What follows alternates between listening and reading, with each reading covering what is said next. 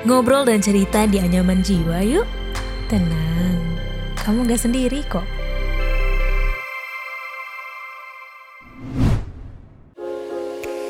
Kamu tidak percaya diri dengan penampilanmu? Podcast Semua Bisa Cantik hadir untuk membantu mendefinisikan dan merangkul arti cantik yang sesungguhnya. Dengerin podcast Semua Bisa Cantik dari Media by KG Media dan Stylo Indonesia di Spotify. Halo pendengar Anyaman Jiwa, saya Feby Ilinia Suryadinata, Empathy CHA Psikolog Klinis, Ada Asa, dan Dear Astrid. Di episode kali ini spesial saya langsung berbicara mengenai mental health di podcast Anyaman Jiwa. Podcast yang berbicara mengenai kesehatan mental individu mulai dari ranah pekerjaan, hubungan percintaan, dan juga sebagai makhluk sosial. Pada episode kali ini akan berbeda. Saya akan menjelaskan suatu kasus berdasarkan cuplikan episode drama audio Obrolan Meja Makan yang merupakan cerita kisah nyata dari Nova, yaitu Aku Dianggap Parasit dan Tak Berguna. Sebelum mendengarkan obrolan kali ini, jangan lupa ya follow dan beri rating terbaikmu untuk podcast Anyaman Jiwa di Spotify, serta nyalakan notifikasinya supaya kamu bisa terinfo setiap ada episode terbaru yang tayang di hari Rabu dan Jumat. Tapi kak, menurut aku tuh nggak ada hubungannya perlakuan mereka ke anak-anaknya nggak sih? Dari lima bersaudara, aku dan adik bungsuku yang nggak terlalu pinter akademik bisa dimaki-maki sama saudaraku, ibuku, dan ayah. Dia yang paling parah. Sepertinya dia mengharapkan kami nggak pernah dilahirkan aja deh. Kamu jangan gitu. Itu orang tua kamu loh, Del. Ya habis kak. Tahu nggak, waktu itu aku gagal UMPTN dan masuk universitas swasta. Emang agak mahal biayanya. Tapi aku sampai dikata-katain sama ayah tuh nggak berguna kak, dan selalu begitu. Dan yang lebih parah, itu adik aku kak, dibanding kakak-kakaknya. Dia nggak terlalu pinter, tapi nggak ada nilai yang merah di pelajarannya.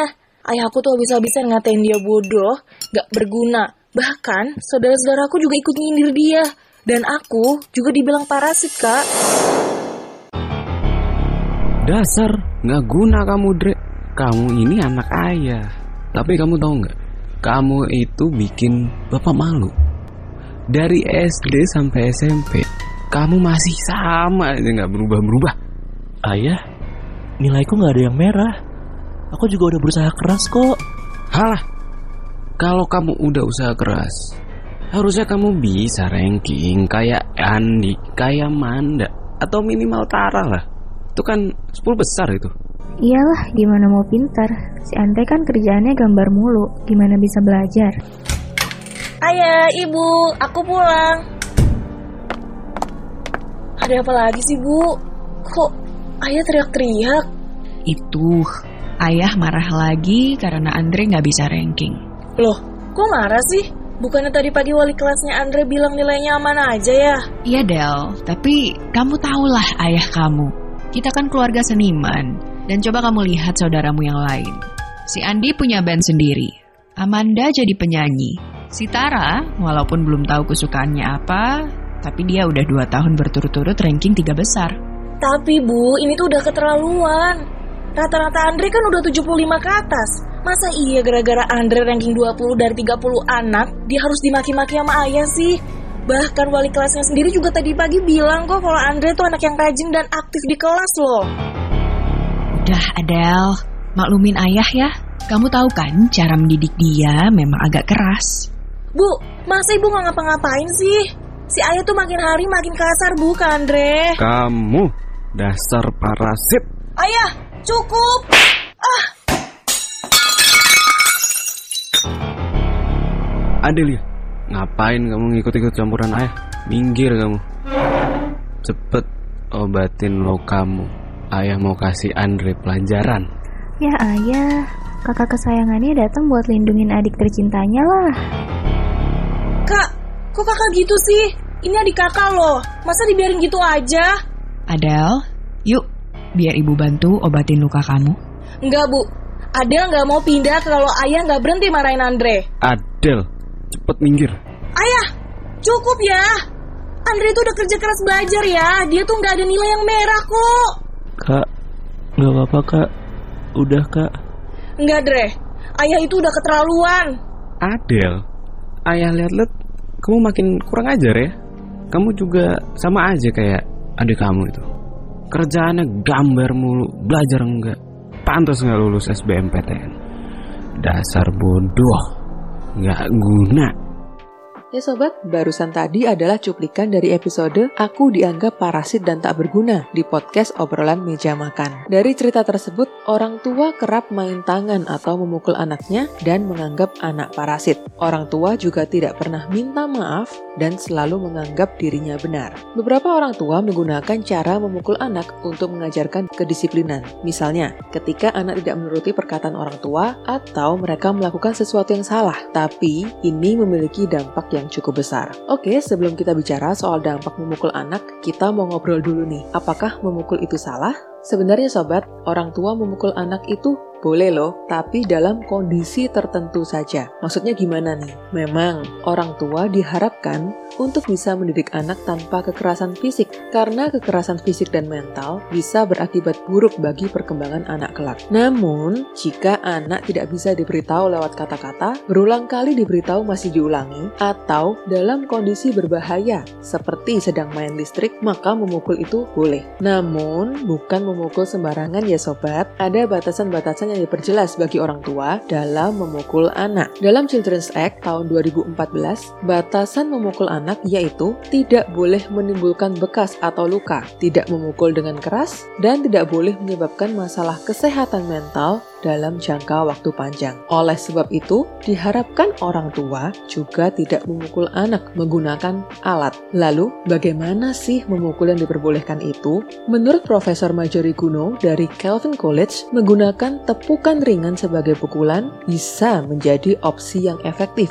untuk mengajarkan anak agar ia tidak melakukan sesuatu yang berbahaya atau merugikan orang lain. Sementara itu, jika pukulan lebih dari itu, maka sudah termasuk dalam kekerasan. Namun sobat, pukulan dengan tepukan ringan itu pun hanya berlaku sampai usia anak 6 tahun. Nah, berdasarkan penelitian dari Profesor Guno, anak yang dipukul dengan tepukan ringan hingga usia 6 tahun justru berpotensi memiliki sifat positif yang lebih baik dalam hal akademis dan optimisme, dan juga tidak menyebabkan sifat-sifat yang negatif. Mereka lebih memiliki prestasi sekolah yang baik dan lebih bersemangat dalam hal belajar untuk mengejar cita-citanya dibandingkan dengan anak yang tidak pernah dipukul sekali. Tapi, jika anak masih sering dipukul hingga usia 11 tahun, maka bisa berpotensi menyebabkan munculnya sifat negatif seperti terlibat dalam perkelahian. Penelitian ini dilakukan oleh Profesor Guno melibatkan 179 remaja yang ditanyai mengenai seberapa sering mereka dipukul saat masih kanak-kanak dan usia berapa terakhir kali orang tua memukul mereka.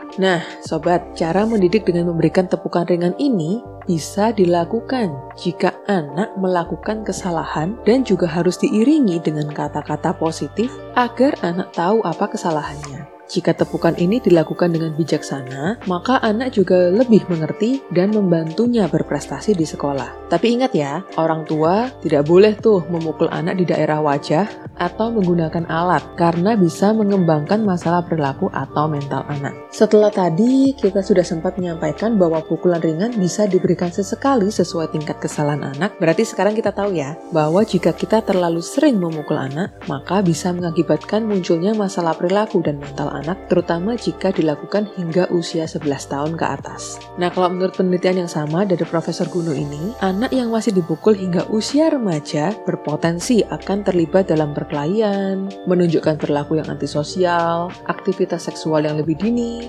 kekerasan, depresi, dan juga sebagainya. Nah, sering dipukul aja sudah ada dampak seperti itu. Apalagi kalau anak dipukul di depan orang lain. Pastilah akan menambah rasa malu anak. Perlu diingat ya sobat, kita memberikan pukulan ringan, fokusnya itu untuk mendisiplinkan anak, bukan mempermalukan dia. Karena itu, saat akan memukul, lakukanlah di tempat tersembunyi atau tidak ada orang lain. Selain itu, perlu penjelasan mengapa anak dipukul. Pakailah bahasa yang sesuai dengan usia anak, sehingga dia paham mana sih perilaku yang bisa ditoleransi dan perilaku yang tidak bisa ditoleransi oleh orang tua. Agar fair, kita bisa memperingatkan dulu sebelum memutuskan untuk memukul agar anak bisa berpikir untuk menghentikan perilaku negatifnya. Oh ya sobat, saat akan memukul anak, pastikan ya anak mengenakan pakaian lengkap dan tengkurapkan di pangkuan agar dapat meminimalisir luka yang mungkin timbul. Jika anak sudah agak besar, bisa diminta berdiri terlebih dahulu. Saat memukul juga gunakan telapak tangannya terbuka, bukan bogem mentah atau pakai alat apa pun. Lakukan sekali saja dan setelahnya tatap mata anak. Minta dia untuk tidak mengulangi lagi berlakunya dan izinkan dia bermain lagi dengan keluarga atau teman-temannya setelah itu.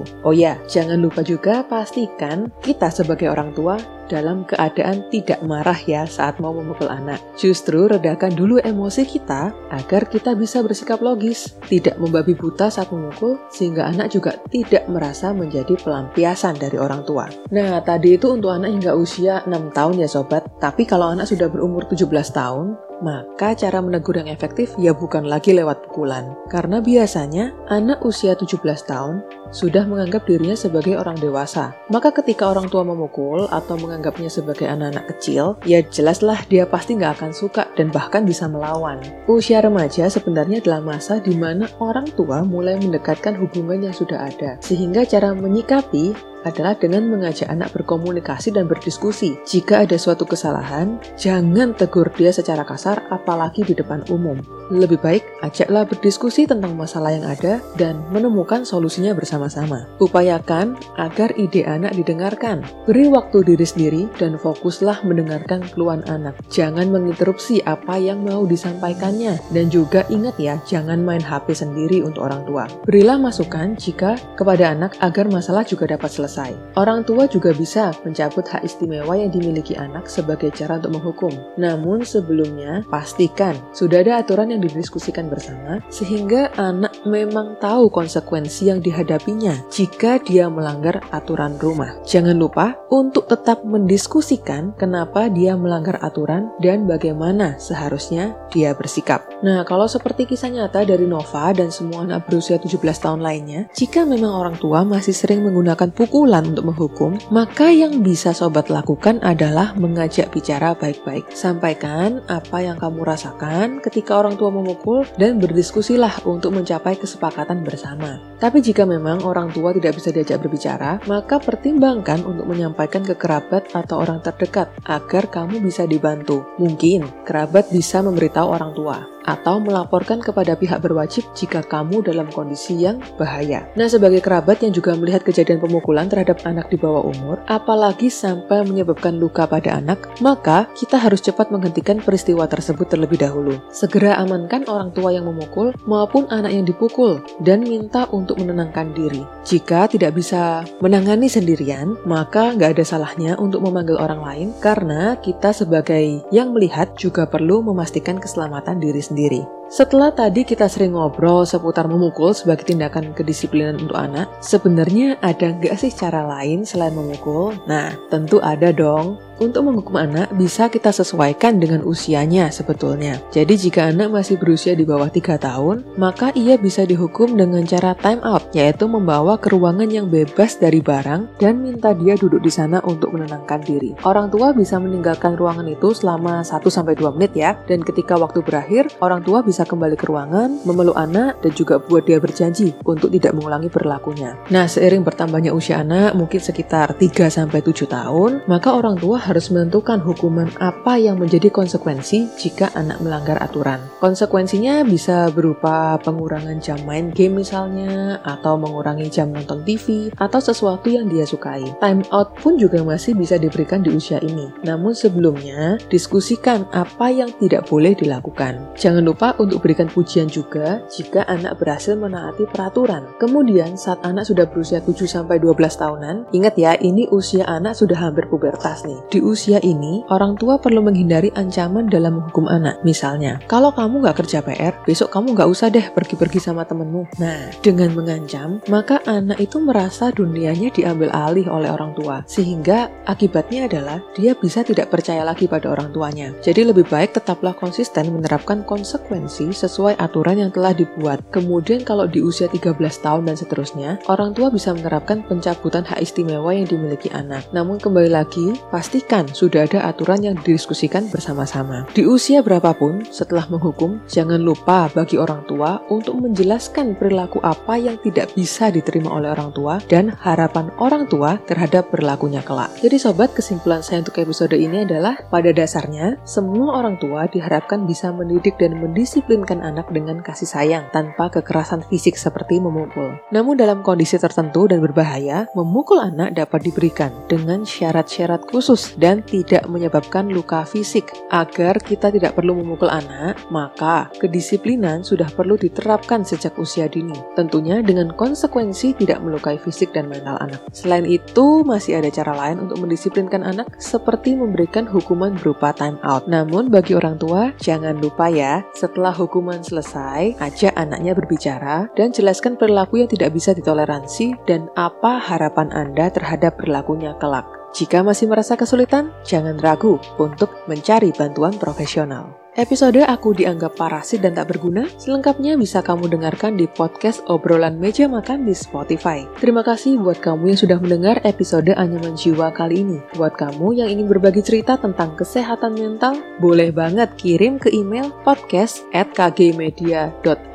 atau bisa DM Instagram at sonorafm92 dan at medio by KG Media. Jika kamu mau konsultasi online atau offline secara langsung dengan saya, bisa DM Instagram at febe underscore cang dan at adaasa.id dan at dearastrid.id. Dengarkan podcast menarik lainnya dari Anyaman Jiwa di Spotify. Saya Febe Ilinia Suryadinata, empathy CHA, psikolog klinis, ada asa, dan Dear Astrid. Pamit dulu ya, tunggu episode selanjutnya. Bye-bye.